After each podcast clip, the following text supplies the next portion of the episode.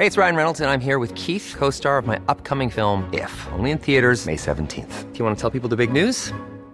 All right, I'll do it. Sign up now and you'll get unlimited for $15 a month in six months of Paramount Plus Essential Plan on us. Mintmobile.com slash switch. Upfront payment of $45 equivalent to $15 per month. Unlimited over 40 gigabytes per month. Face lower speeds. Videos at 480p. Active Mint customers by 531.24 get six months of Paramount Plus Essential Plan. Auto renews after six months. Offer ends May 31st, 2024. Separate Paramount Plus registration required. Terms and conditions apply if rated PG. There's never been a faster or easier way to start your weight loss journey than with PlushCare. PlushCare accepts most insurance plans and gives you online access to board-certified physicians who can prescribe FDA-approved weight loss medications like Wigovi and Zepbound for those who qualify. Take charge of your health and speak with a board-certified physician about a weight loss plan that's right for you. Get started today at plushcare.com slash weight loss. That's plushcare.com slash weight loss. plushcare.com slash weight loss. Denne episoden er sponsa av TrippelTex, og igjen så må vi snakke litt om regnskap.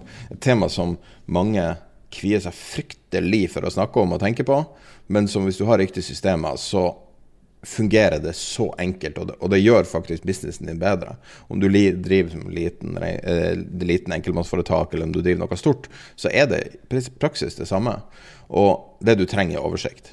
Og en ting som jeg har erfart i nesten alle jobber jeg har hatt, og det kjenner de fleste seg igjen i, er at man har masse forskjellige systemer. Ikke snakke med hverandre, det er kaos, alt må via et Excel-ark. Og, og, du har eh, Jeg tenker sjøl tilbake da jeg hadde en sånn Google Drive med sånne random filer som ligger der fra gammelt av med et eller annet regnskapsrelatert eller bilag eller et eller annet. Og det fine med TrippelTex er at du får alt inn på ett system. Det er et enkelt system. Alt er modulbasert, så du legger bare til det du trenger.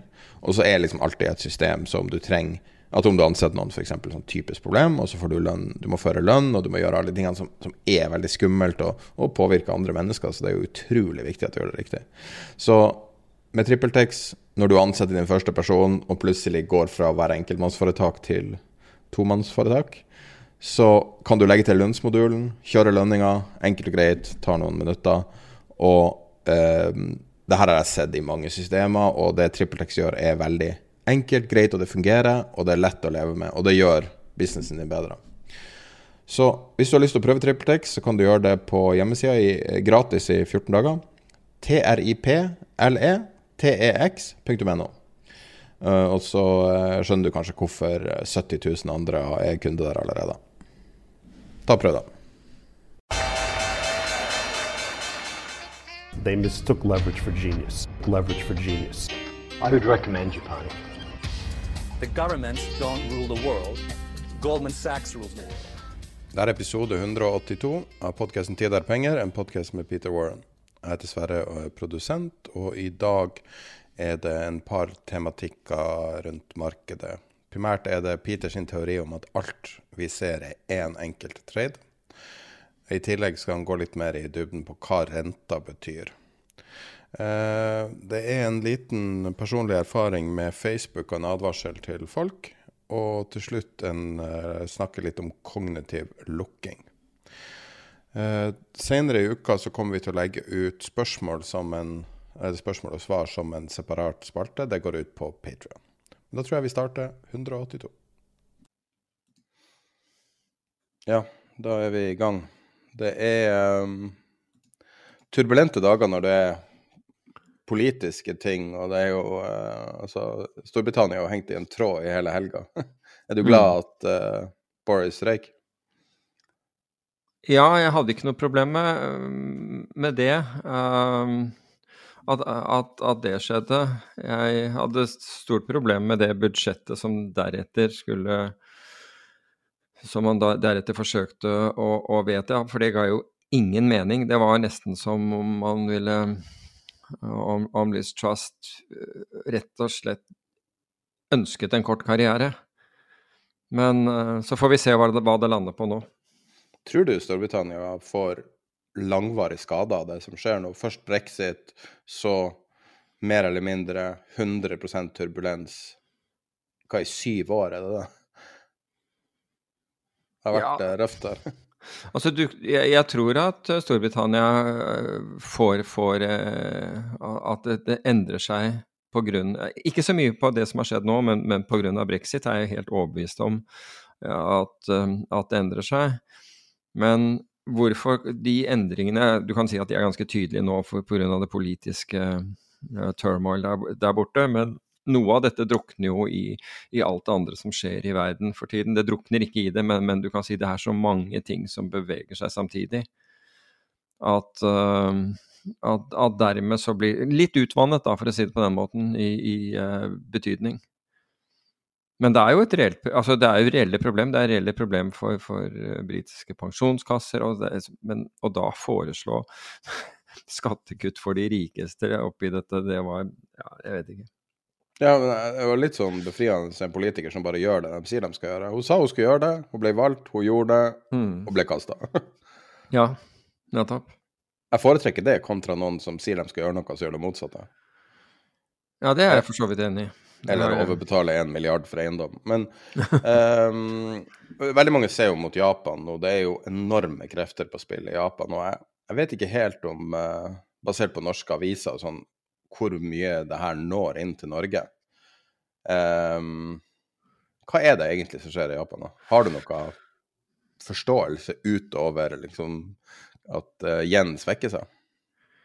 Nei, men du, du kan, jeg, jeg, er for så vidt enig med deg at jeg tror ikke, jeg tror ikke det blir tillagt som den betydningen det, det kanskje har. Altså i utgangspunktet, og så, som jeg brukte uh, Som jeg skrev på, på arket, altså alt er bare én trade uh, for tiden. Og det Jeg syns det ble så utrolig godt illustrert. Det er blitt illustrert gjennom flere uker nå, men særlig på fredag. For på fredag så ser vi da vedvarende fortsatt selging av japanske yen, og det er tydelig at Så kan vi si hvorfor yen? Jo, fordi yen har den laveste renten. Så hvis du skal gjøre carry trades, og det pleier ikke å være populært i volatile markeder, men det er likevel blitt populært her, fordi det man gjør, er at man låner i, i japanske yen. Altså når du går short yen, så er det samme som å låne i yen. Og så plasserer man de pengene i f.eks. amerikanske statsobligasjoner, altså noe som har da, da høyere høyere, en, en, en, klart høyere rente enn en kvart prosent. Altså Hvis du tar tiåringen, så er det 25 rente på, på, på japanske eh, tiårs statsobligasjonen mot over 4% på den amerikanske. Og slik at disse typer carry trades har normalt sett blown up under kriser. Altså Med andre ord så har yenen blitt, blitt, kjøpt fordi alle har lånt penger igjen. Og det er akkurat det samme som tilbake til hvor vi så i Norge, men som, ble, som jeg har inntrykk av har blitt mye mer restriktivt etter, etter det som skjedde med sveitserfrangen i 2015. Nemlig at økonomiske rådgivere som da selv fikk, eh, som da selv fikk eh, honorar av banker for å foreslå at man lånte i utenlandsk valuta, de ga da de, de, disse rådene til, til, kundene sine. Til tross for at rentedifferansen f.eks. mellom sveitserfranc og, og, norske kroner på det tidspunktet i 2015 var nærmest blitt historisk lav, så oppfordret man uh, at man skulle gjøre det for å få billigere rente. Og resultatet var at sveitserfrancen steg 40% mot norske kroner. Så, så, de som gjorde det, fikk, klarte da ikke å betjene lånene sine. Liksom forferdelig sak. Og det vi har sett tidligere, det er når, når turbulens dukker opp, så, så, så, blir det slutt på carry trades. Altså Carry trade er når du låner billig og, og låner ut dyrt. F.eks. Du, du låner igjen, plasserer i aksjer eller gjør, gjør sånne ting. Det har vært mange norske øh, strukturer som har hatt det som øh, altså tidligere, som har hatt det som, øh, som investeringsidé. Det at man kan låne billig og plassere det i, i mer høyrente. Men denne gangen her så har vi jo ikke da sett det, altså den kollapsen av the carry trade. Vi så kollaps av, av carry trades i 2008. I, nest, I, alle kriser jeg kan huske, så har, har, har disse carry tradene kollapset. For det skal ikke være penger på gaten over lang, lang tid å kunne gjøre dette. Men i tilfelle med japanske igjen, så har man jo da fordi den japanske sentralbanken har støttekjøpt øh, sine obligasjoner og rett og slett ikke latt renten stige. Det er jo det landet som har slitt mest av alle land, tror jeg, med å få, med å få opp inflasjonen. Og nå da med en fallende igjen, igjen, så vil det jo si at de, de, importerer inflasjon. Og inflasjon har begynt å dukke opp også i Japan, men allikevel så har de hardnakket holdt på denne nullrentepolitikken. Så, Her, og, og, og, frem til da vi, vi, så jo og Dette har vi snakket om tidligere. Vi hadde jo en intervensjon da japansk igjen for første gang jeg tror den gikk i, mot dollar gikk i 146, og så kom, så kom sentralbanken inn og solgte den ned. Og så snakket vi også om dette i forrige gang i, i episoden, at hvis nå, nå måtte Bank of Japan komme på banen, ellers så ville markedet bli enda mer brutal mot yenen. Og gjennom forrige uke så, så vi dag på dag så, så vi at japanske igjen svekket seg mot, uh, mot norske Unnskyld, mot, mot, dollar, eller mot alle andre valutaer, egentlig, så, så, godt som. Og så kom vi frem til fredag ettermiddag. Så kom vi på, til fredag, og det vi vet er jo at Japan og USA er på hver sin side av planeten, så japanerne har gått hjem lenge før amerikanerne uh, uh, våkner, våkner opp. Du har Europa imellom.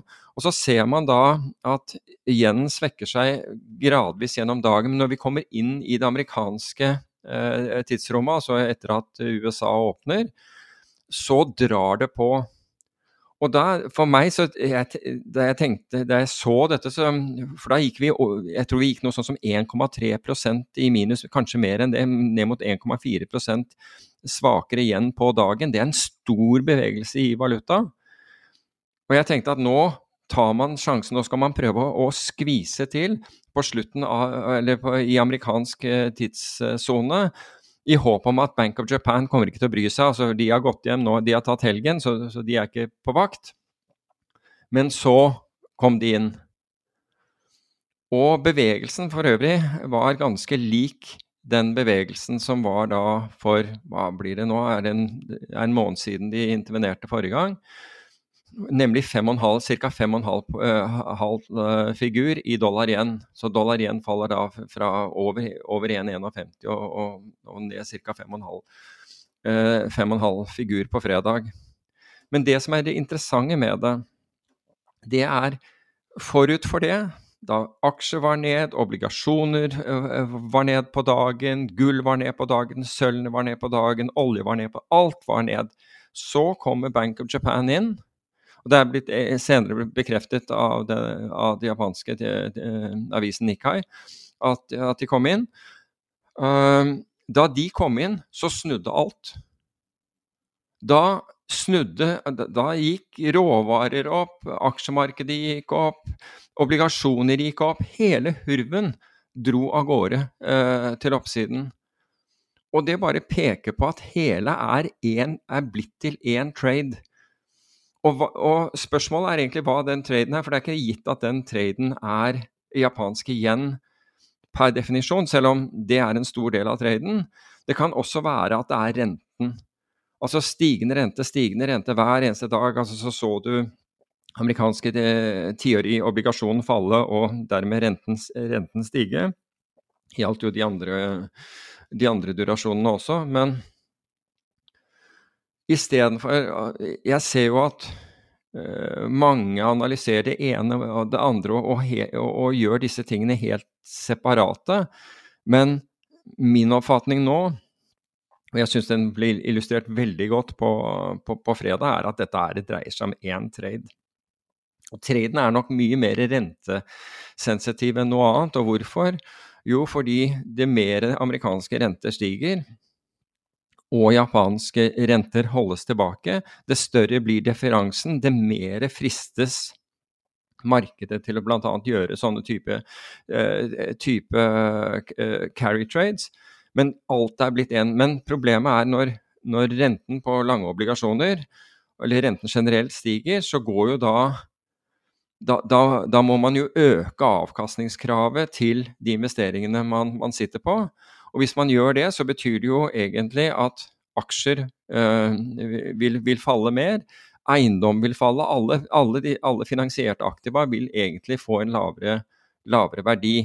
Dette er akkurat det motsatte av det vi hadde etter, etter øh, 2020 og inn i 2021, hvor penger ikke kostet noe. og når penger ikke koster noe, altså når, når, når det er når, når, når, det er lik Altså du, du har ingen kostnad på, på, å låne penger. Da er det nesten umulig å prise risiko. Fordi hvis du sier, altså hvis du sier at penger ikke, ikke koster noe, så er jo fremtidsverdi og nåverdi den samme. Og dermed kunne vi gjøre slike ting som å,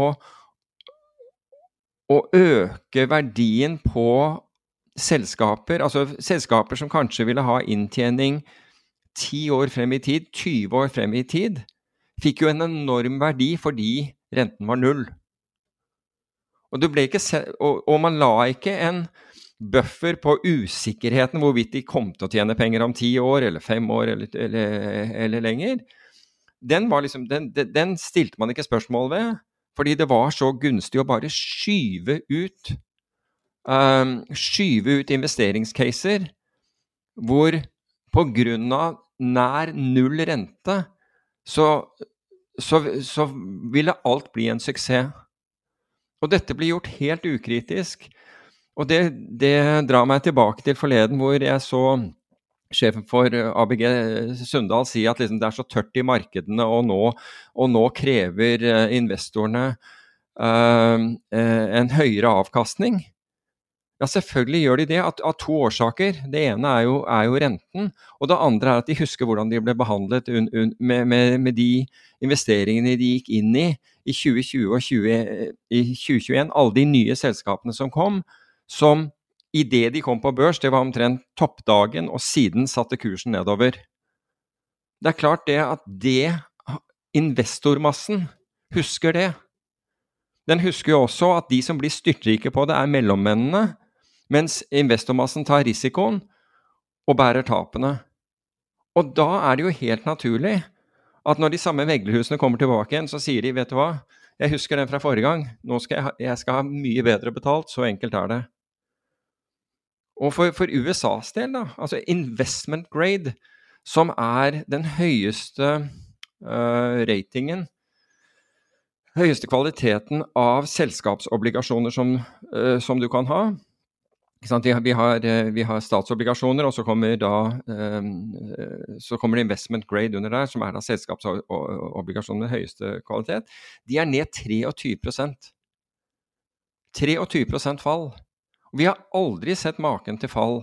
Vi har aldri sett 60-40-portefølje gjøre så dårlig som i år. Altså, du må tilbake til 30-tallet for, for, å finne no, noe, noe tilsvarende. Så det er ganske alvorlig det, det, det, som skjer, og det er ikke så rart at alt egentlig nå er én trade. For hvis renten fortsetter å gå, hvis, hvis dette, og, og, så, så, blir stadig færre eh, prosjekter lønnsomme. Og du kan ikke regne dem hjem. Det overrasker meg litt. Det er jo en artig tilfeldighet. I eh, episodeplanlegginga så bruker vi å snakke om ting i forkant, hva vi skal ta opp. Og da hadde jeg eh, bare sittet og tenkt en dag om eh, mulig en, en trade-idé, da. Eh, og da sa jeg det til deg nå i stad, at uh, jeg, jeg satt bare og så på norsk stat og amerikansk stat og sånn, og ser jo at renten er høy nå. Uh, og gire statsobligasjoner er jo en veldig fordelaktig trade hvis du får det til. Og så spurte jeg det, og så tenkte jeg ja, men uh, det koster jo så djevelsk å låne penger nå, men du kan låne i Japan. Så jeg spurte deg jo nå rett før vi starta hva du syns om ideen om å kjøpe norsk stat gira med japanske lån. Mm. Og så artig at du hadde akkurat uh, Det var jo det som var hele tingen du skulle snakke om. Uh, så det, det, viser jo bare at du må finne lave rente der det er å finne. Og, så, og akkurat nå er det kun i Japan. Men det jeg lurer på da, er fins det noe volumtall som viser at det er mye høyere aktivitet i Japan nå pga. den lave renta det eneste stedet på jorda der du kan finne lave renta? Nei, ikke, jeg har i hvert fall ikke lagt, uh, lagt merke til det. Um, og så må man også huske i forbindelse med det du snakker om, f.eks. å låne da japansk yen, plassere i norsk stat eller amerikansk stat eller, eller, eller, hva du vil. Altså Svingningen på japansk yen, riktignok mot dollar, men det blir ikke så helt forskjellig mot, mot, uh, mot norske kroner, på fredag var på noe sånt som 3,5 fra, fra det laveste nivået eh, på, på japansk igjen og opp. Ja. Nå har, da har komponentene av traden alle veldig konservative. men summen av det er basically memestock.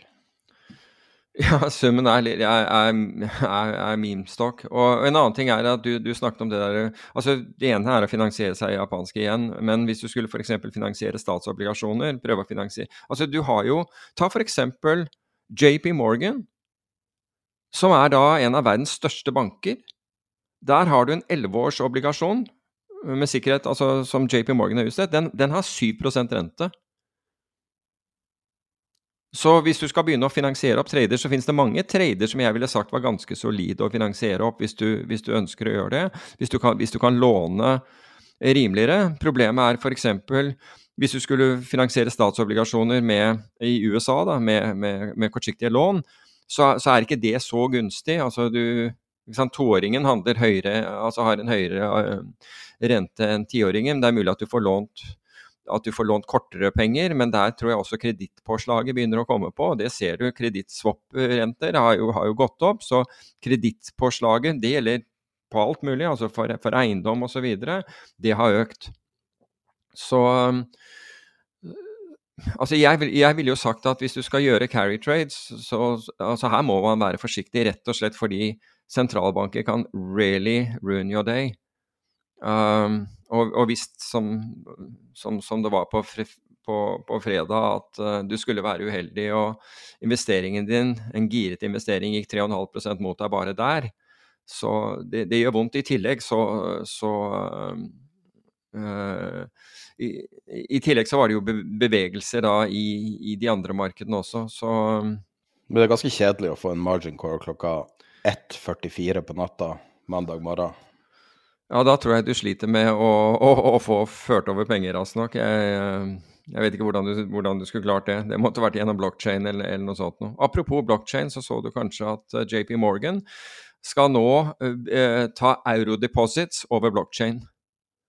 Så her blir blok altså, blokkjeden blir anvendt mer og mer. Man kan si hva man vil om, uh, om, om kryptovalutaer, men, men, uh, men blockchain syns bare å få mer og mer, mer, mer anvendelser. Du, skal... du, når du sier JP Morgan og blockchain, så du hvem de hadde ansatt? Hvem de hadde ansatt? Ja. Nei. En av de sjefene som kom fra Celsius, en av de kryptovalutaene som kollapsa. Ok. Det er deres uh, Jeg vet ikke om han skal være policy head der, eller noe i den duren, men han kommer rett fra en, en skikkelig kollaps, så inn i JP Morgan. Oh, wow. Spesielt. Ja. Um, men hvis vi, skal vi se litt på hva altså, altså hvis vi ser hva Men du sier alt er en trade. Kan ikke vi ta det her litt videre, jo. da? Jo. Uh, og tenke litt sånn abstrakt på det. Um, hvis vi er ikke sett økt volum i Japan sånn, som tilsier at veldig mye folk strømmer til Japan for å belåne, for å gire opp sine investeringer akkurat nå. Um, ja, men, men det, hvor... det, ser du i valutaen. Det er jo valutaen som, som viser det. Ja, men vi har ikke, vi har ikke sett, det har ikke stått mye liksom, at det her er den nye hotte traden. Folk mm. er litt redd i Japan fordi at det er så store svingninger. Det er iallfall altså, anekdotisk, selvfølgelig. Men det jeg lurer på, hvordan henger de her tingene sammen når det er en trade? Er det altså sånn miljømessig, og hvis man skal prøve å, å forstå det sånn, i den grad man kan forstå et marked, så selv om vi har en viss risk on, risk off-tankegang nå, så er det ikke det samme som risk on, risk off tidligere. Problemet nå er jo på en måte at markedet er utbomba i alle mulige segmenter. Eh, veldig, veldig mange tap er allerede tatt. Men hva i alle dager er bullcasen nå? Hva i alle dager er Hvor skal oppsida komme fra? Skal det komme fra verdensrommet? Fordi at det er ingenting som er positivt. Altså, du, du klarer ikke å sette sammen et eh, bullcase som ikke innebærer Fed pivot, eller ikke innebærer lavere terminal rate, eller et eller annet i den duren. Eh, sånn som bullcasen er i dag, så virker det som at, at eh, Fed skal bare si vi gir opp, vi, vi går tilbake til å uh, trykke penger i stor skala. Og, og det, du da, det du da på en måte ender opp med, er jo hyperinflasjon til slutt. Mm. De, altså det vil jo være helt hasard. Så hvor, hvor i alle dager langsiktig, fundamentalt skal bullcasen komme fra nå? Altså, jeg, jeg tror jo den uh, vil komme fra på, på, råvaresiden. Og det vil være råvarer som da er hvor man har underinvestert i en, i en lang periode. Uh, og det gjelder mange råvarer, fordi råvarer var ikke Altså når, når uh, alle sentralbanker eller alle de politiske myndighetene i verden forsøkte å tvinge investorer til kun å kjøpe aksjer og obligasjoner, det var det eneste du fikk lov å investere i, så betyr det at det er ikke gått veldig mye penger inn i, råvare, inn i råvareinvesteringer. Og, og, dermed så har man heller ikke uh, gjort noe særlig nyutvinninger på, på, på, råvarer. For det var, det var, ikke noe investorinteresse. Nå er jo rundt, rundt det fossile, eh, altså gass og olje, så er, så er, det jo blitt veldig prekært og, og, og mye belyst. Nettopp pga. dette skiftet og at dette gikk da antimiljø og, hele, og, og den biten der. Nettopp fordi man måtte redde verden, altså man måtte redde energi. Eh, redde en energikrise. Og derfor så har, så har det skiftet eh, eller blitt veldig mye fokusert mot, eh, mot, mot, mot energisektoren. Men så kommer det til andre ting, og det er hvis dette her da resulterer i, som, som det er rimelig å anta det, det, det gjør, at verden, altså veksten i verden sakker, sakker av. Og det, det er jo for så vidt også Eh, eh, også eh, priset inn, så, så, så, vil det være mindre etterspørsel osv. Så videre, sånne ting som, som man må, må, ta hensyn til. Men jeg tror jo altså En av de tingene som jeg tror dette resulterer i, det er jo at analytikere nå, og, og fremfor alt stockpicker som du vil, altså de som aktive forvaltere, nå får du virkelig se hvilke av disse som er flinke og, og, og får til noe, og, og hvilke som, som, ikke er. Og når, du tenker på um, bank, uh, Unnskyld, de, de, de, uh, de britiske pensjonskassene, som nå tvinges ut Altså årsaken til at de Ehm, de brukte swapper, altså med andre ord eh, de, kjøpte ikke statsobligasjoner, men, men inngikk swap-kontrakter for, for, for, å låse fast eh, fremtidig eh, renteinntekter. Dessverre for lavt. Men årsaken til det var jo også at de hadde problemer altså i forhold til hvor mye penger skal du ha i, i, i, i sikre aktiva, type statsobligasjoner, i forhold til aksjer. Og de fant ut at at ehm, de, eh, de, kunne ikke putte mer i aksjer fordi pga. risikoen med aksjer. Men, de, men var, de fikk ikke nok ut av uh, nok rente fra, fra, uh, fra, fra, statsobligasjoner til at de kunne levere pensjon. Og dermed, så, dermed kom den, den, den jeg, bruken av swapper inn.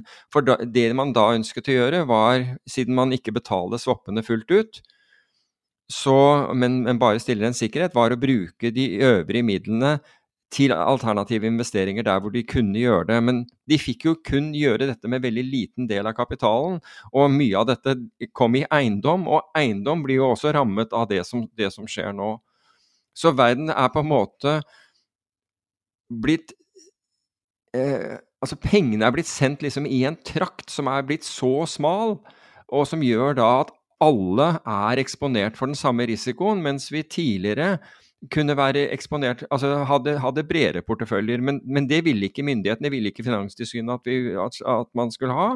Og jeg, og jeg, husker jeg sa det for mange, mange år siden, at når dette her går galt, til slutt går galt en dag, så kommer garantert ikke Finanstilsynet til å ta noe som helst ansvar, eller Finansdepartementene, for å ta noe som helst ansvar for at alle eggene er blitt lagt i én kurv.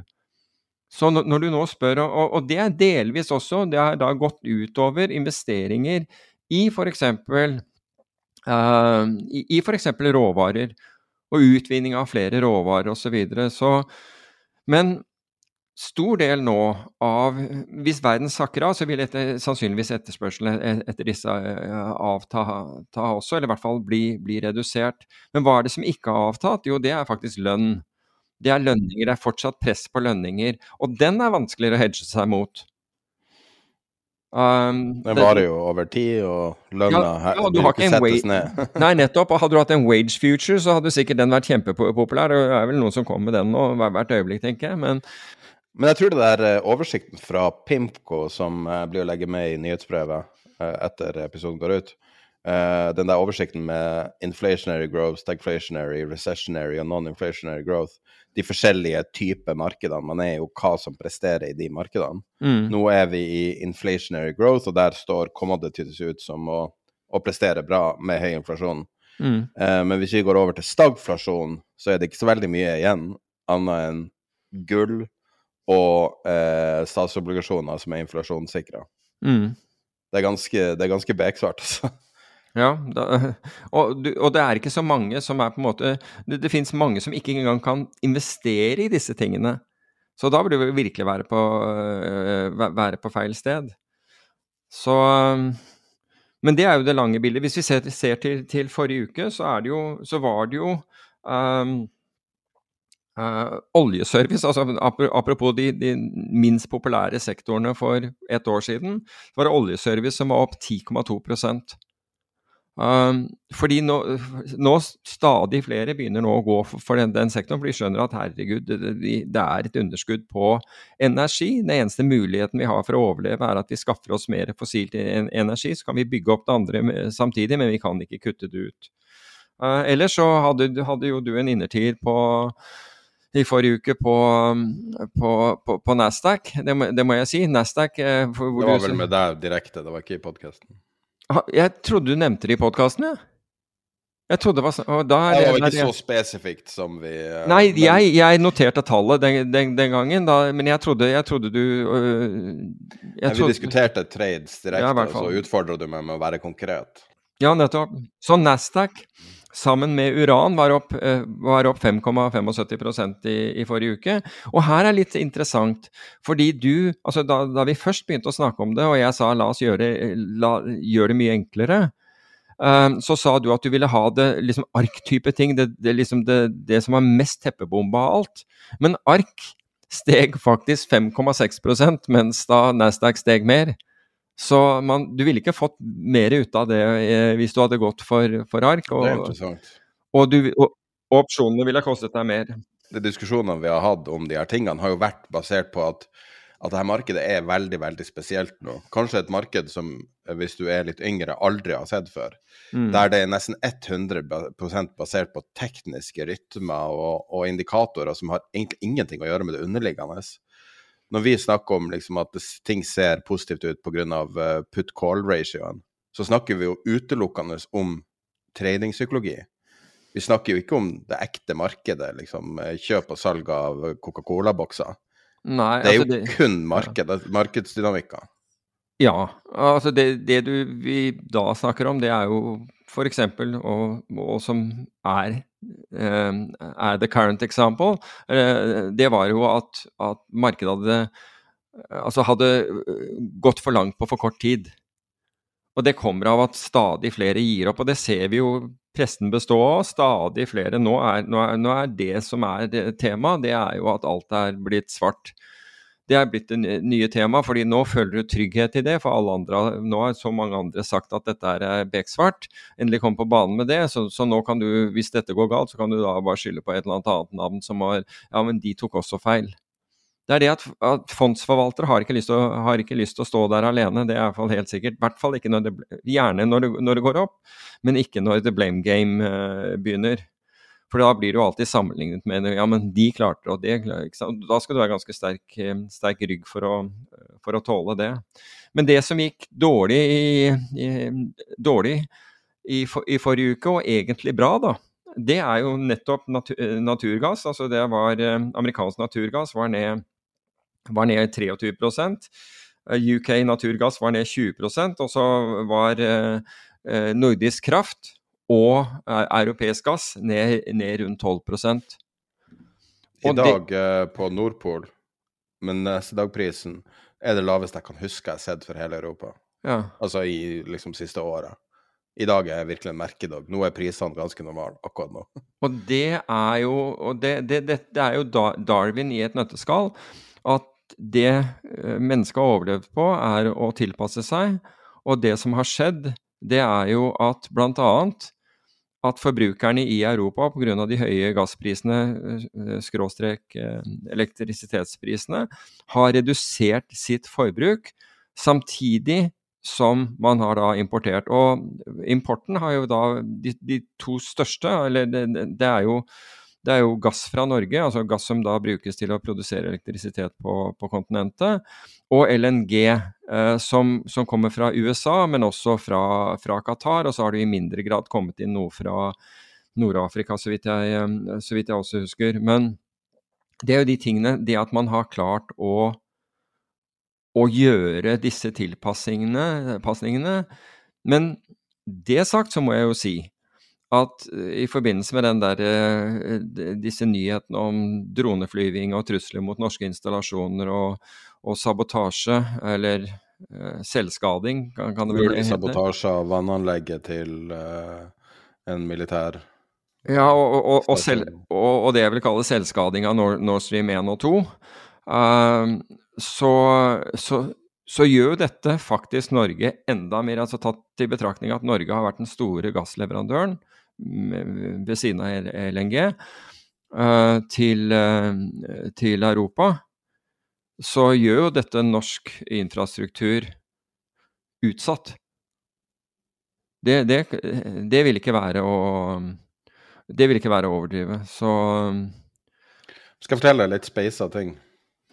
rett før uh, uh, korona traff, la oss si høsten 2019 um, Den relative kostnaden for å beskytte dem for et 10% fall i SMP 500 er nå på det nivået.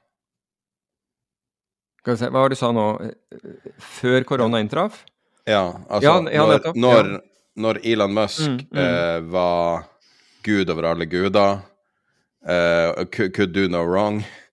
Eh, når uh, man skulle kunne liksom gjøre um, Altså, krypto skulle redde verden. Alt var bare blå himmel. Alle mulige startuper skulle finne opp alt mulig nytt, for penger var gratis og alt mulig.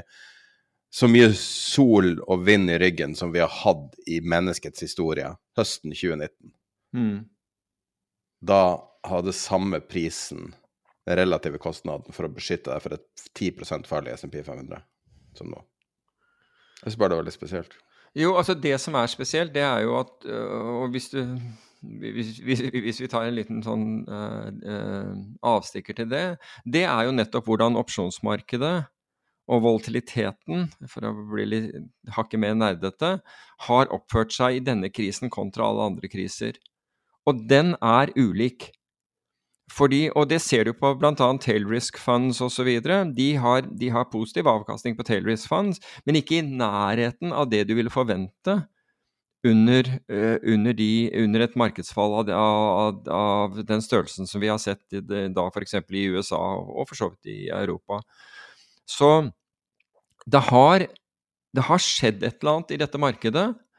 Og jeg er også forbauset, i og med at vi, vi ofte snakker om at selve eh, strukturen i markedet, altså det at man ikke har de store marketmakerne, altså de som kunne ta mye på egen bok, de er ikke der osv., og, så videre, og at du får at du får dårligere priser når du, når du selger uh, større blokker nå enn du har gjort uh, tidligere, så forbauser det meg at ikke vi har sett uh, at volatilitet har steget mer enn det, enn, det, enn det, har gjort tidligere, eller i hvert fall ikke mindre.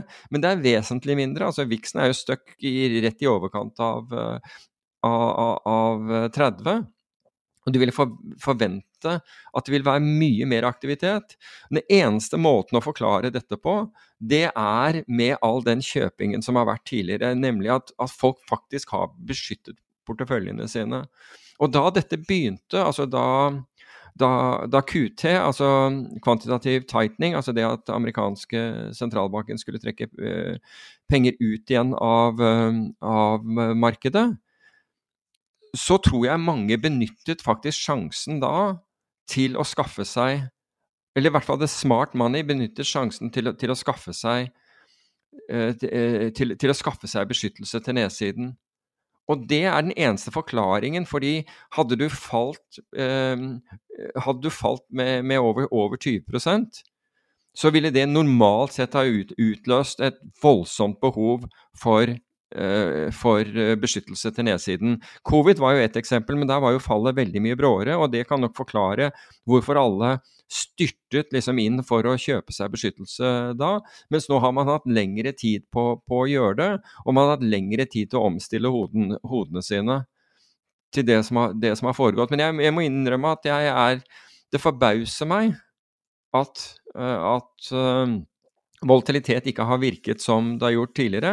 Det som har virket, det, det er jo å være long dollar. Det har, det har, det har, har derimot virket uh, som har vært vanlig også i mange kriser. Men på disse nivåene hvor vi har sett nå Japan med sin andre intervensjon, Kina uh, har problemer Tenk deg alle land som har lån i dollar. Det er mange, uh, for, for, for, å si det forsiktig. så begynner jo dette å legge et voldsomt press, i, i, tillegg til at alle som da ikke er i dollar, og som da må importere varer som er priset i dollar, importerer inflasjon. Og det gjør at, det gjør at jeg liksom Jeg vet at folk er sånn super bullish på, på, på, dollaren, men jeg tror at dollaren vil begynne å møte, møte headwinds, hva heter det for noe? Motvind. Eh, begynner å, eh, klart å møte motvind her, altså. Ja, altså, det er jo uh, definitivt compelling. Det har jo vært en uh, uavbrutt opptur for dollaren. Uh, men hva er det som er narrativen bak det? For jeg husker jo Var det tidlig finanskrisa der de drev og diskuterte at dollaren var så appellerende bare fordi det var dollar? Og så fikk jo dollaren gjennomgå etter det, husker jeg. Eh, er, er, det noen mekanikker som kan reversere det? For, det for meg er det ikke helt åpenbart hvis ting skulle bli verre. Jeg kan, jeg kan, jeg kan bare si en anekdote, da. Eh, jeg har familiemedlemmer som driver og syns det er artig å kjøpe og selge ting på Finn. Altså bare hele tida driver og holder på. Det er jo masse, mange folk som gjør det på deltid. Og der har visst prisene falt voldsomt. Og du ser enorme mye tilbud, enorme lager for de store butikkene og alt mulig.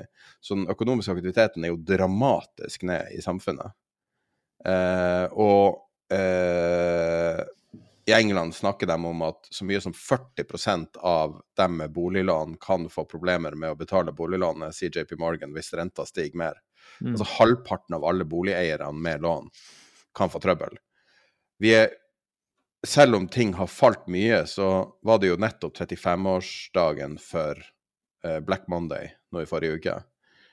Og da, I den forbindelse gikk jeg tilbake og så på litt gamle klipp fra da, både før og etterpå. Og jeg la det ut på vår Twitter-side, eh, et gammelt klipp eh, som skjedde rett før. Og det interessante når du hører introen, så, snakker de om hvor elendig det er, og alt har falt så mye. Fordi at det folk glemmer med Black Monday, var jo at markedet begynte å falle før det. Og det var jo en, selvfølgelig en mm. veldig spesiell dynamikk med portfolio insurance og alt mulig, men eh, Det falt det 100, 100, poeng på fredag 16., faktisk. Ja, og, og, når du ser liksom, de snakker om nei, nå er det så dystert og alt mulig, men nå skal det snu. Og det var liksom dager før eh, det største fallet siden 20-tallet. Um, ehm, så jeg, jeg, vet ikke. Jeg ville vært litt forsiktig med jeg, jeg, blir litt så skremt av å se, når Bloomberg skriver, hvor lite eh, beskyttelse folk har på nedsida. Fortsatt. Det er, litt, det er ikke ting som skjer i bunnen av et marked. Det er som regel ting som skjer før det er i ferd med å falle, mm. betydelig mm. mer. Eh, og når du ser putt, altså, når du ser eh, forholdet mellom putt og call, eh, folk som har kjøpt forsikring eh, på oppsida og på nedsida, Uh, og du ser hvor mye folk er gira for oppturer, og hvor i anførselstegn lei de er å høre av inflasjonsnyheter og dårlig nytt. Men uh, hvis man har lært noe av historien, så er det der tingene kommer jo gjerne i, i, flere runder. Og jeg vet ikke om vi er ferdig med det her. Jeg tror ikke vi er det. Nei, altså, jeg, jeg, jeg har heller ikke noe, noe um Eh, noe tro på, og det betyr ikke at jeg ikke kan ta feil, bare så det har sagt, men at vi, at vi er ferdige nå. Fordi det, ting har ikke fått uh, Altså, QT fortsetter. det, det, selges fortsatt uh, voldsomt med, med, med, amerikanske verdipapirer uh, hver måned. Men når, når, du spurte liksom, hva er det for dollaren, ja, altså det som er med dollaren, det er jo at det er jo rentedifferansen. Det er jo det som på en måte favoriserer dollaren akkurat i, i øyeblikket. Og at Fed er er på en måte motoren bak dette her. Altså de er, de er, først på banen. Det er de som er mest aggressive på, på, på å øke renten. Så det er det som går i favør av dollaren. Så jeg har ikke noe problem med å se, se det som skjer med dollaren med, altså på, på, på, to måter. Den ene er jo, er jo nettopp det der frykt og, og, og, rentedifferanse. Det er bullish for, for dollaren.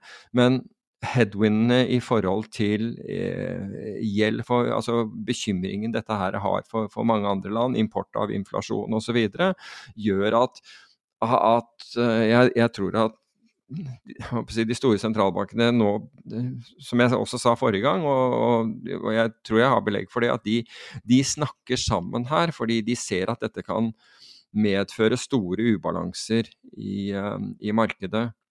Det er ikke positivt for et marked heller, og det er definitivt ikke positivt for, for Japan hvis, hvis, øh, hvis, valutaen deres bare fortsetter å falle og falle, og folk begynner å ta mer og mer risiko for de tror at akkurat som under, under QE, at, sentral, at, at, de får lov til å, å, å, låne billig og plassere dyrt, og det ikke har noen, øh, at ikke det har noen, har noen risiko.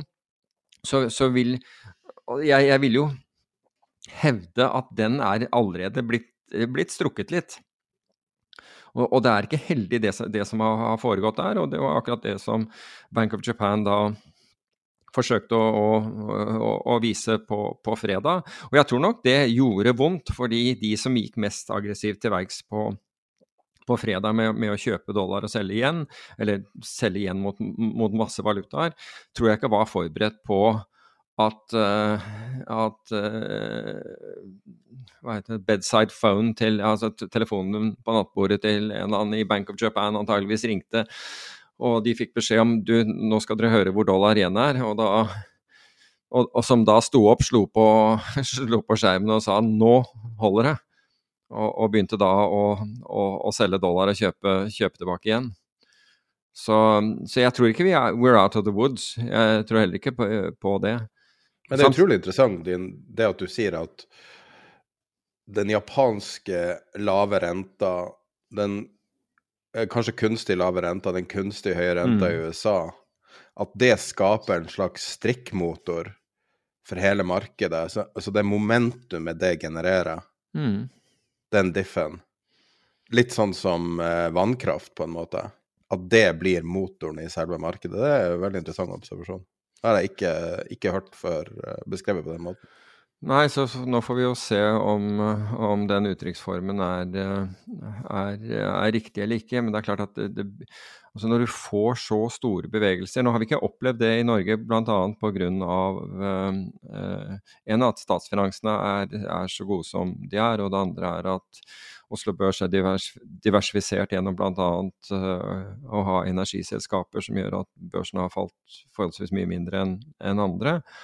Men i andre land så opplever man dette her som, som, dramatisk, og det verste som kan skje for pensjonskasser som ikke er diversifisert utover å ha aksjer og obligasjoner, er jo nettopp at aksjer og obligasjoner faller samtidig. Det er virkelig natta for, for, for dem. Så, så dette er alvorlig, det, det, er ingen tvil om det. Nomura hadde jo en reportasje om den beskriver det gale opsjonsmarkedet. Mm. Henger de her tingene sammen med det? Um, jeg fikk ikke helt grep på den. Nei, altså Det Nomura påpeker, det er, det er jo at, at, så utrolig mye opsjoner blir gjort som er veldig, veldig kortsiktige. Og slik at folk, folk driver og kjøper opsjoner for, eh, med, med, forfall én uke frem i tid. Ikke, eh, og det er voldsomme volumer på veldig kortsiktige opsjoner. Og effekten dette har, er at det øker den kortsiktige volatiliteten i markedet, fordi det er krevende for dealerne, altså de som utsteder disse opsjonene, altså eh, hvis dette er først og fremst marketmakere, å hedge dette Fordi, eh, vi, fordi det, det, er så kort tid til forfall, og da blir følsomheten som disse opsjonene har i forhold til den underliggende bevegelsen, altså bevegelsen på, på, på det underliggende aktiva, den blir veldig følsom. Og, og, kan resultere i at de må liksom kjøpe voldsomt, f.eks. med, med aksjeindeks futures, eller selge, for, for den saks skyld, altså hvis det er put-opsjoner det er snakk om. På, så, så den, den forsterker bevegelser. Kan jeg få lov å flyte en teori, da, basert på det du sa nå? Det det, kan det her forklare hvorfor viksen er så lavt priser? At folk har fått kortere durasjon på opsjonene, som gjør at det ikke fanges opp så mye av VIX? VIX måler jo 30 dager fram. Så hvis folk kjøper store volum på syv dager, at det ikke vil bli fanga like mye av viksen? Ja, det er for så vidt riktig at det vil ikke bli, bli, bli fanget på, på samme måten. Men vi har også, du kan si det er nå i den siste, senere tiden hvor man har sett Og dette tror jeg ble igangsatt gjennom, gjennom GameStop, hvor, hvor, mange begynte å kjøpe kortsiktige opsjoner. Uh, og, og, holdt på med det, og så hvilke innvirkninger hvor, hvordan de kunne altså Hvis nok folk kjøpte, så fikk dealerne et, et, problem, men det markedet justerer seg deretter. Og spredden justerer seg. Det er akkurat det samme som i, i spredden på, altså bid-offer-spredden på statsobligasjoner har også økt, fordi volatiliteten har, har økt. Så markedet markedet har en intern kompensasjonsmekanisme som, som den lærer av. Altså den, den, når den ser den type aktivitet, så vil den, den justere seg i, i, i, forhold til det. Så, men viksen gjenspeiler nok mer det at folk har, har skaffet seg lengre Uh, altså beskyttelse på, på, på, på, lengre tidshorisont. Og dermed så ser du ikke denne voldsomme etterspørselen etter, etter, etter det. Mens du kan gjøre det i det korte bildet. Men det skal også sies da at uh, altså også, også, realisert volatilitet er, er, er, er, kommet ned, og den er altså for et fall som da altså, nei, altså realisert volatilitet på aksjer, vel, å merke. fordi Her må være litt forsiktig, fordi du har en helt annen opplevelse i, eh, i, i obligasjoner. Men for aksjer har vært, altså det har vært ganske ordentlig sell-off. da, og der hvor du ser de, de, kraftige bevegelsene, det er ofte til oppsiden. altså Disse face-ripping rallies som vi har snakket om, og som vi hadde en av i, også i uh, uken før og i forrige uke osv. Disse brådragene til oppsiden. Det gjør det vanskelig, det gjør det veldig vanskelig for, for uh, uh, nettopp for, for marketmakere å justere seg. Det kan godt hende at de også, fordi de er short opsjoner, får, og, du, og Det er blitt plukket opp mye som Nomura påpeker, kortsiktige calls f.eks., og så plutselig drar markedet 5 da, på, på, bare noen dager. Da, har, da må marketmakere kjøpe et voldsomt antall uh, future-kontrakter eller, eller, aksjer for å, he, for å hedge det. Og så får du de, eh, denne type bevegelse. Men det kan hende at, at vi har fått et sånt tolagsmarked, eh, som, som, som, du er litt inne på, det ikke reflekteres i VIX, for det er de mer de langsiktige, mer stabile pengene i store institusjonene, mens det er mer de kortsiktige spe spekulantene i det korte markedet. Så Gamma har en innvirkning fortsatt, bare på en litt annen måte? Ja, ifølge Nomura helt opplagt. Og Nomura hadde jo en del statistikk over volum. Og, og, så da hvor stor andel som var blitt kjøpt i, i, eh, i sånn én ukes opsjoner osv. Og, så og det stemmer også med noe jeg så for en tid tilbake, så det, er, nok, det er nok, riktig det de, det de, sier, at mye ligger der. Har du fulgt med boliglånsrenta i USA? Eh, ja, delvis. Altså, jeg så jo Det eh, siste jeg så, var vel at det begynte å touche 7% 7,37 var det før helga. Herregud. Uh, det er ganske sykt å tenke på hva, hva slags kjøpekraft en ny boligkjøper i USA har, kontra for et år siden. Ja. Men uh, man må jo også merke seg at USA har jo en utrolig spesiell dynamikk med at rundt 95% av alle lån, eller 93, veldig, veldig høyt tall, er fastrenta. Mm. Sånn at uh, resultatet jeg leste om det i helga, har ikke linken foran meg. Resultatet det her blant annet er at folk da plutselig ikke vil selge eller kanskje ikke kan selge. Fordi at enhver realisering vil presse renta skyhøyt opp. Så eh, for det amerikanske boligmarkedet så kan det være en velsignelse på kort sikt, men at man kanskje bare lurer seg sjøl. På et eller annet tidspunkt flytter man jo. Og så er det, Men, jo- eh, ja, er det jo Det er skikkelig golden handcuffs her, altså. Ja, så er det også slik at du kan eh, Altså i USA så kan du jo gå fra boligen din. Altså hvis ting faller og du og, Så det, eh, gjelden følger ikke deg. Den følger, den følger eiendommen. En av hoveddriverne i finanskrisa var jo akkurat den regelen. Nettopp. Så Men eh, og apropos altså det, det vi snakker om med, med renta, altså i dette tilfellet boliglånsrente, men obligasjonsrenten generelt og aksjemarkedet, så er det jo fem tilfeller hvor aksjer og obligasjoner altså Over alle årene som det har vært, så er det bare fem tilfeller hvor aksjer og obligasjoner i USA har falt eh, samtidig, og det er 1931, 1941, 1969, 2018 og 2022. Det er de eneste fem gangene hvor, hvor dette har skjedd. Det har aldri skjedd to år på rad heller. Så. Nei, også en annen ting er, er Men hvor mange ganger har det skjedd at begge deler, både aksjemarked og obligasjoner, har falt mer enn enn 10% Én. 2022. Og dette er realiteten til pensjonsfond, altså, fordi de ikke har fått lov å Altså, det har vært så anti det at de skulle At, at man kunne diversifisere.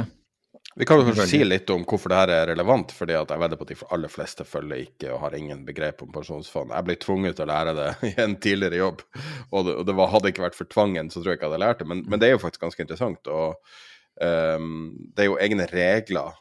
Jeg vet ikke om det er lover også, jeg tror det er lover. Altså det er nedfelt i loven hvordan forvaltning av pensjonskasse skal fungere. Og nå er det jo ei endring som har vært de siste årene. Jeg har ikke fulgt med akkurat hvor mye som har gått over.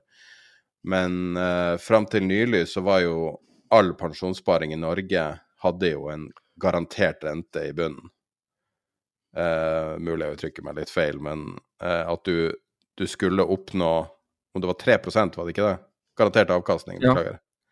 Eh, og så har de jo eh, har det vært sterke lobbykrefter for å bytte bort fra det, men jeg regner med at det er flere land som har lignende løsninger. Jeg er ikke helt sikker på hvordan det er i USA og England, men Nei, altså det er jo, det er jo flere som har, har akkurat den, den samme løsningen som, som det. Altså det er jo det som pensjonskasser skal gjøre. Og det funker Så- når obligasjonsrenta er høy. Ja, Men det når den går ned mot null, så får man et problem, og så må man da ta risiko i aksjemarkedet, f.eks. Mye, mye høyere risiko, som et helt annet spill for dem. Eh, men forskjellen fra pensjonskassa med alle andre er at de kan ikke ta feil. Det er nedfelt i loven. Ja. Så, um, så dette er ikke en heldig utvikling, for å si det, for, for, å si det forsiktig. Det blir vel ei lovendring hvis det her er permanent, men eh, likevel, altså det, det er veldig, veldig sterke krefter i spill. Som eh, man normalt aldri tenker på. For øvrig så var det en, en annen sak. Jeg så DNB komme med liksom kjempebra resultater i, for, i forrige uke. Og så, og så sammenligner du da det med andre liksom banker. altså Nå, nå tenker jeg på ta, ta de amerikanske, de store, store bankene. altså Der er tredje kvartals eh, net income year on year. altså der Bank of America er ned 8 JP Morgan er ned 17 City Group er ned 25% Morgan Stanley minus 29% Wells Fargo minus 31 og Goldman Sachs minus 43 Jeg lurer på hvordan konkurransen virker. Jeg. Så, når, når du ser DNB bare røsker inn liksom et sånt kjemperesultat. Det er noen, Ja. noen burde liksom tenke hvordan, hvordan har det seg egentlig? Vi har jo tidligere så vidt snakka om eh, statlig eierskap og alle de her eh, 70 pluss firmaene som har staten på eiersida. Nå begynner det å vise sin motsatte Altså, det er jo ofte veldig mange fordeler med å ha staten i ryggen.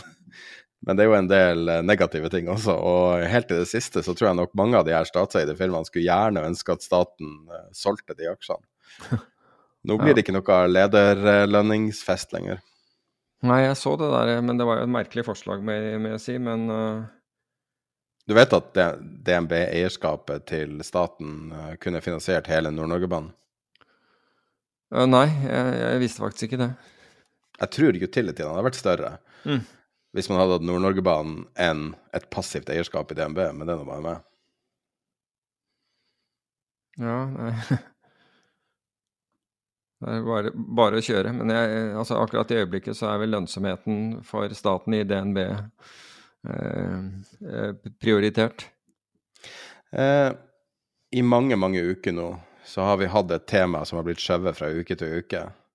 Skal jeg ta det nå? Kan du? Kjapt.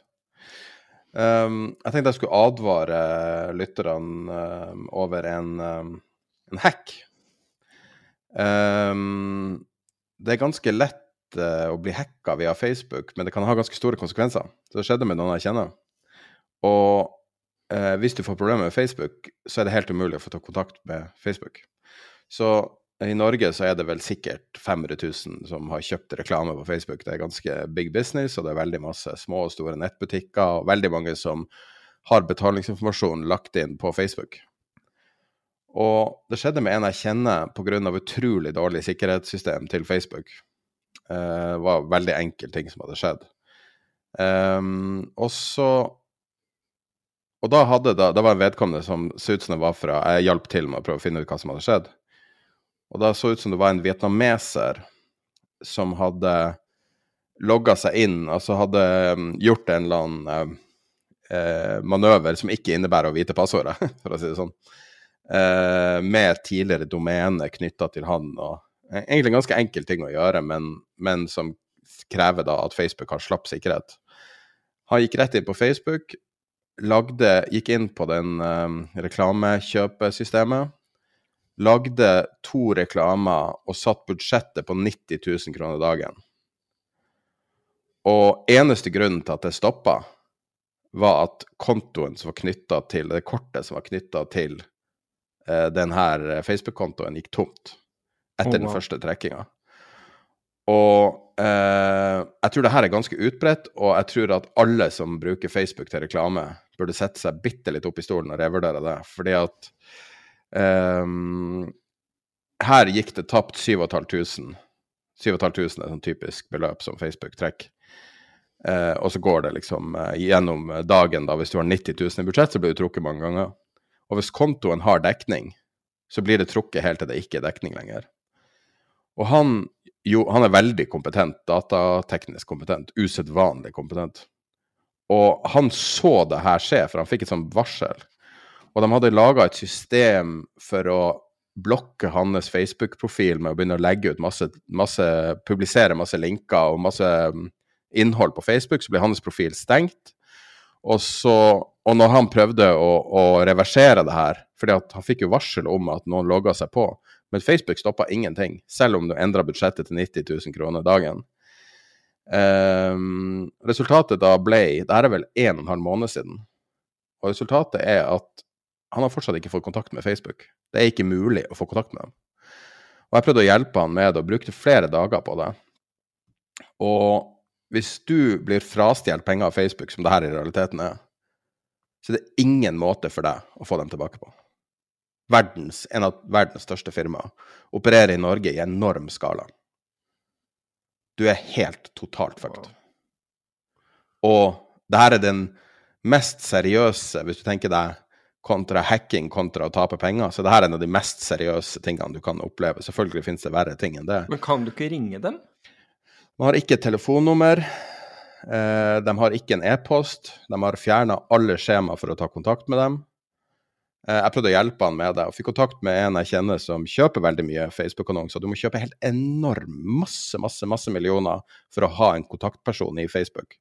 Og han hadde det, og da fikk jeg under tvil lov at han skulle ta kontakt med kontaktpersonen sin og sier er det noe jeg kan gjøre. Og da var svaret nei, ingenting, og du har ikke lov å sende den personen til meg. Så denne personen som jobber i Facebook, nekta å ta imot feedback fordi at det er kun for de aller, aller største kundene. Men tenk deg hvis du hadde vært Orkla, det her hadde skjedd, da. Tenk deg hvor mye penger som står på en sånn konto. Mm. Og, så, skjedde det med ei anna dame relativt nylig, fordi han sendte meg en link til en lokalavis. Eh, så det er ikke den eneste. Jeg visste ikke at du kunne legge inn eh, kredittkort en gang på, på Facebook. Ja, men det er, Det er sånn du betaler for reklamer. Min, naivitet. Aha, ok. Facebook er jo fram til, i hvert fall nylig, har jo vært må jo være den største reklameplattformen i Norge. Ok. Og man kan si mye negativt om uh, Schibsted og alle de medieplattformene, men det går nå i hvert fall an å ringe dem. Mm. Og det går nå i hvert fall an å klage inn. Så de pengene er fortsatt ikke på den kontoen. Yes. Og det var bare det at kontoen ble Kun fordi at kontoen gikk tom. At Å. Facebook sendte ut et varsel senere. Så bare nei, kanskje det her er useriøs oppførsel. Men det var fordi at den ikke klarte å betale. Mm.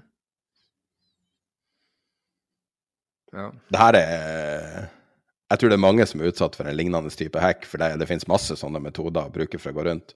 Tenk deg at Facebook ikke har et system som plukker opp at det er plutselig en vietnameser på en, på en død konto et år etter den er brukt, eller noe sånt, kommer inn og begynner å kjøre annonser på et annet språk, at det ikke finnes en mekanisme for å stoppe det. Mm. At det er mulig å endre budsjettet til eh, femtedels årslønn, liksom. på en dag. Nei, jeg ville bare fortelle det. Det var kanskje eh, lang historie, eller kjedelig historie, men uh... Nei, i hvert fall for de som kjøper eh, på, over, på Facebook, så tenker jeg det er, det er nyttig, nyttig informasjon. ja. Det er bare utrolig viktig. Og, så jeg vil av, advare folk og si, jeg vil uh, si at jeg tror det er lurt å sette ei absolutt sperre på å trekke fra Facebook, fordi at du vet aldri når de gjør det. Fjerne det kort fra alle tjenester hvis du ikke bruker det, fordi at det der, eh, der det kan balle på seg fort. Og det er ingen å ringe. Du kan kanskje gå via banken, men han i hvert fall på en og en halv måned har ikke fått gjort opp i det. Har ikke fått tak i noen engang. Wow. Det er en advokat, en ung norsk advokat som står oppført som daglig leder på Facebook. Og de har kontor på et eller annet høyhus der du selvfølgelig ikke kommer inn i Oslo. Jeg trodde De har norske, ingen advokater, jeg trodde norske ingenting. advokater hadde i hvert fall telefonnummer, men Ja, han har telefonnummer, men mm. han er jo selvfølgelig da bare en sånn officer, liksom. Altså Det er bare for syns skyld, vil jeg tro at han er Jeg tror han er advokatfullmektig, til og med, han som står som daglig leder. Okay. Nei, jeg tenkte jeg skulle bare gjøre en tjeneste til uh... Til de som annonserer, ja, enig.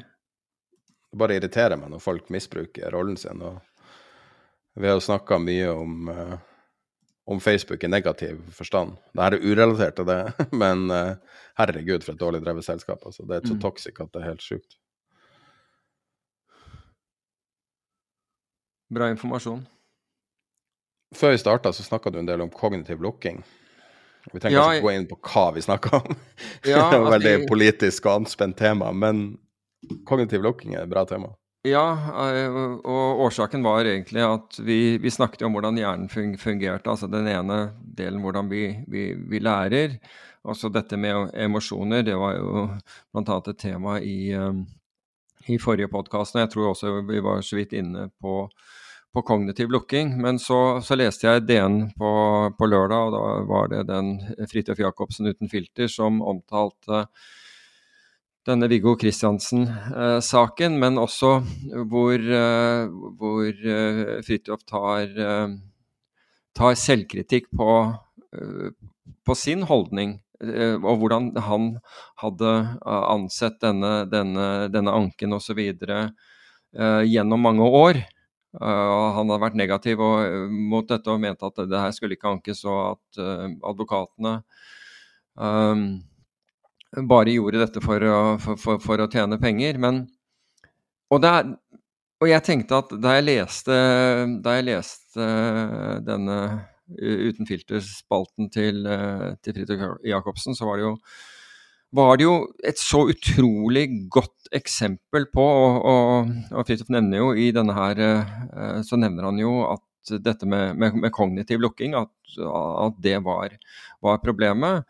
Men det er jo da når vi har et verdensbilde, altså et verdensbilde at vi har en forståelse av noe, vi er helt sikre på noe, og så får vi da inn informasjon som tilsier at det ikke nødvendigvis er riktig. Eller som da rett og slett øh, falsifiserer en del av, av, av, de faktorene som vi har basert oss på, rett og slett øh, forteller oss at, at, at det er feil. Og det er jo, altså den, den saken er jo ekstrem på, på, den måten, uten at jeg har satt meg i detalj i den. Jeg har sett noen, noen, øh, noen reportasjer om den og, og, så videre, men det er helt klart at her blir da både politiet, påtalemyndighet, gjenopptakelseskommisjon, de blir da De får da stadig ny informasjon, altså oppdatert informasjon, som setter tvil ved den informasjonen som de har basert seg på. Og så lukker man Altså bare fullstendig lukker man eh, øynene og ørene for dette og, og tviholder på den opprinnelige eh, det, det, det, opprinnelige konklusjonen. Og de er ikke engang villig til å undersøke informasjonen, men, bare, men, men avfeier den. Og det er et ekstremeksempel Eh, men et forståelig eksempel, altså, fordi, altså i, enkelheten så er det et forståelig eksempel på hva en mener med, med, kognitiv lukking. Det er ikke det utfallet vi mener er riktig, og derfor så tar vi ikke til oss ny informasjon. Og hvis, hvis man velger det ståstedet der, så vil man aldri lære noe. Da, lære, altså, da er det ingen læring som, som foregår. Fordi du, du, lærer jo ved at du blir korrigert. Det er jo det en av de tingene som, som lærer oss, og som kan gjøre oss bedre. Det er at vi, vi får korreksjoner, slik at vi, vi, blir flinkere. Flinkere til å tenke eller flinkere til å gjøre et eller annet annet. Det spiller ingen rolle, men det er gjennom læring. Og her er det altså topper i samfunnet og, som da har mulighet til å, å, å, fatte avgjørelser som gjør at noen da i dette tilfellet blir sittende inne i, i, i 20 år, nekter å ta til seg og egentlig se på ny informasjon og, og i det hele tatt altså, trekke den inn og si kan vi ha gjort noe riktig her? Og helt til, altså, til siste gang dette her ble behandlet, og da har man fått informasjon over lang, lang, lang tid. Som tyder på altså, Og mer og mer informasjon som tyder på at kanskje det, det, de opprinnelige, den opprinnelige konklusjonen, altså at de, at de, såkalte bevisene ikke holdt, så er det to stykker i gjenopptakelseskommisjonen som fortsatt nekter for at dette skal, skal tas opp igjen. Så det, jeg tror dette kommer til å bli stående som en av de en av de mest graverende eksempler på kognitiv lukking. Uh, og en av de mest lettfattelige, og det er jeg sikker på at det kommer til å bli brukt i lærebøker e-, etterpå. Uh, som, som, altså både innenfor psykologi og sikkert også innenfor, innenfor juss. På, på kognitiv uh, lukking.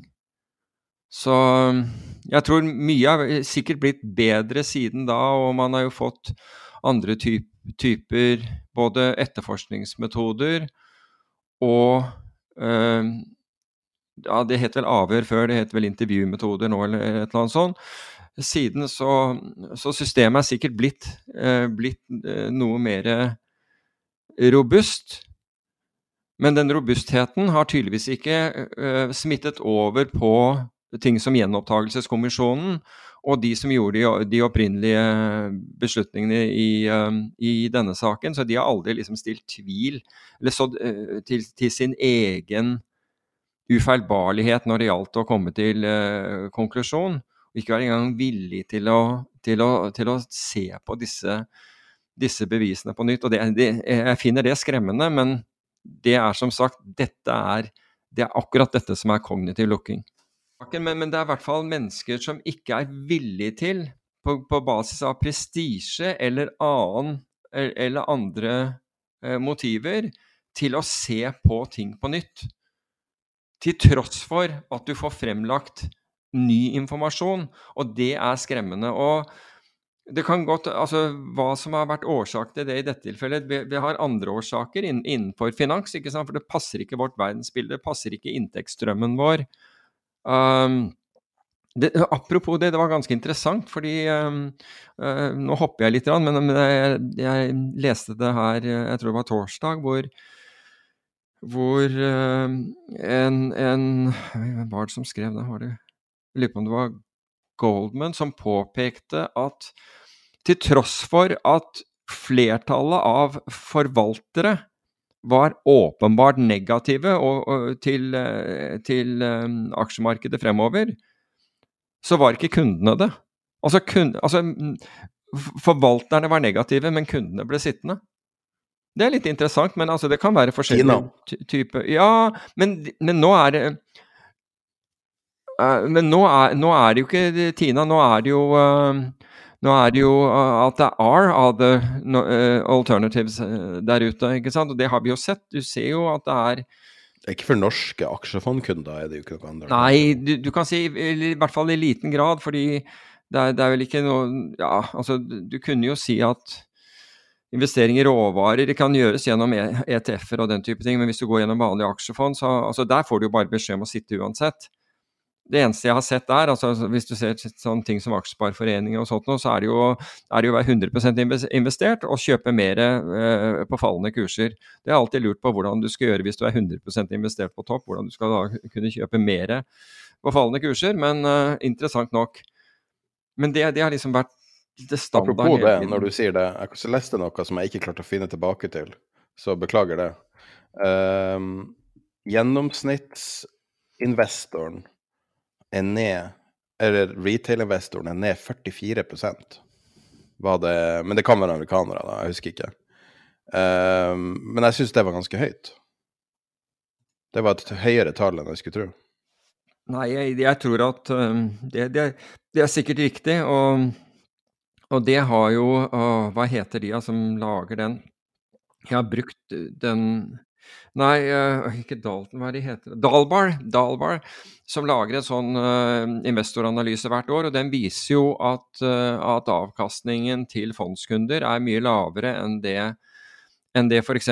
indeksfond, altså enn en det indeksene tilsier. Det gjelder både innenfor aksjer og innenfor obligasjoner. Og årsaken til det er jo nettopp at man kjøper på topp og selger på bunn. Fordi du skulle tro at de som var med i aksjemarkedet, de, de, de var med. Men man, man, kjøper på topp, selger på bunn. Men i tillegg, eh, frem, i hvert fall frem til 2021, så, så ble man jo av myndighetene gjennom, gjennom rentepolitikk og, og, og, og, finanspolitikken, altså gjennom QE, stimulert til å ta mer og mer risiko.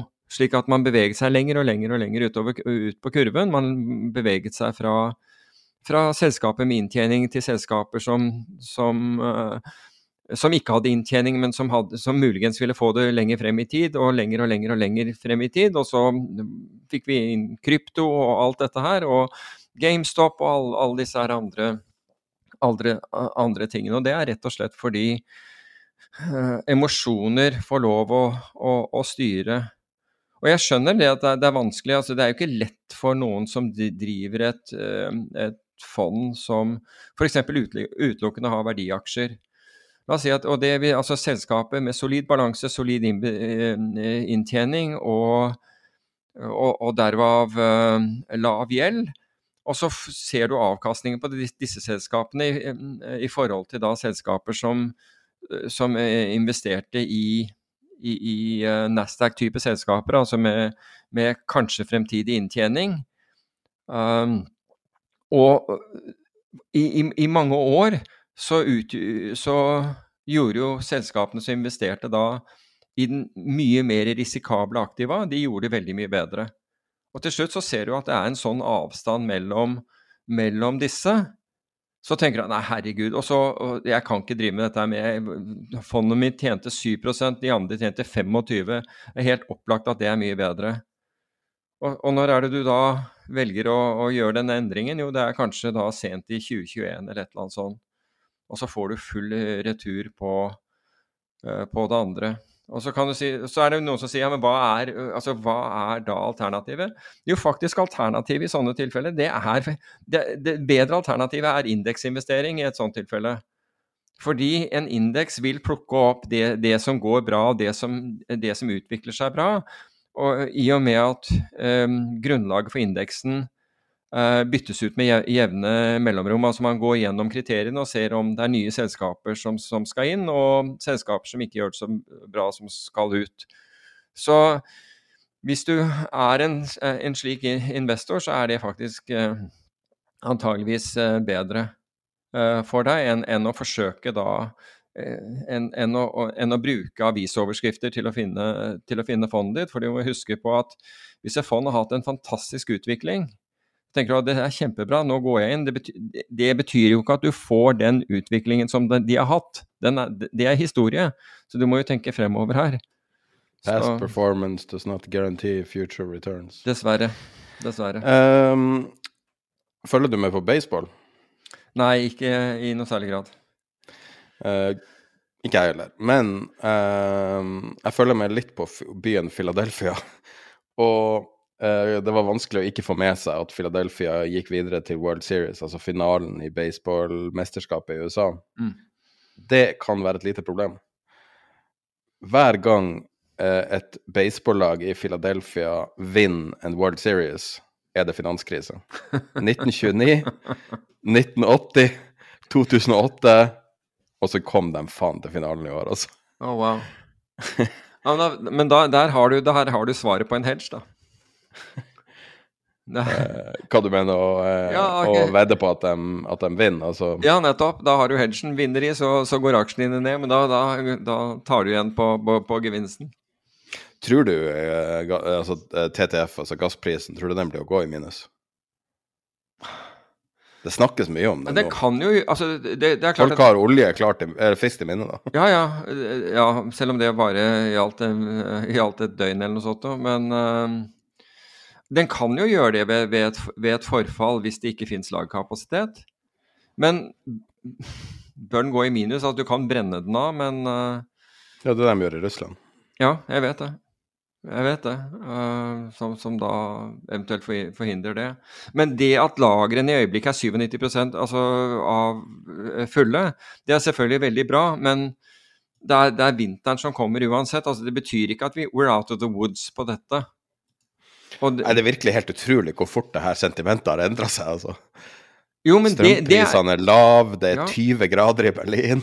jo, men jeg synes det er fantastisk. Ingen problem i det hele tatt. Nei, jeg vil jo ikke si at det ikke er noen problemer i, i, det, i det hele tatt, men, men jeg syns jo at, uh, at At igjen det, det, det gir meg tillit til, til Darwins ord, altså at det er øh, at øh, de som overlever, er de som har øh, største øh, evne til tilpasning. Nå må jeg si at, at næringsminister Vestre han, han, han ber om voldsom tilpasning til tilpasning når han når, når han nå ikke vil altså Slik jeg har forstått det, en som får strømstøtte, er vel, er vel bønder altså På næringslivet er, er bønder og, og, dri, og de som driver eh, drivhus. Og, og så sier han at han kan ikke gi til noen, noen andre, og det er helt greit om, om bedrifter går over ende, og, sånn, og det er liksom næringslivet. Det han glemmer å si, det er jo at det var en politisk beslutning som gjorde at man begynte å pipe dette. altså at man mangedoblet eksportkapasiteten ut av Norge, og, og som har brakt oss inn i den situasjonen. Så jeg syns jo den der at nei, vi, vi ser ingen grunn til, til, å hjelpe, og det er helt naturlig med, med, med, altså med, konkurser. Hvis det er slik, så, så, så da, da vet jeg i hvert fall Da er den politiske risikoen enorm i dette landet. Rett og slett enorm. Hvis det er det, og det virker jo slik, som det er det som skal uh, Som mange bedrifter skal nå gå konkurs, for de ikke forutså at en regjering kunne komme til makten som vi ville gi blank F i hvordan, i, i hvordan næringslivet eh, tok eh, Eller kostnadene næringslivet vil bli, vil bli påført av politiske beslutninger. Da er den politiske altså da, det, det må jeg si, det er, eh, det, er, det er dessverre nok et moment i favør av Lugano Det tror jeg er en fin plass å runde av. som bopelsadresse. Det tror jeg er en fin plass å runde av. Og så er vi Ja, hører du meg ikke? Da tror jeg vi runder av der, og er tilbake om ei uke.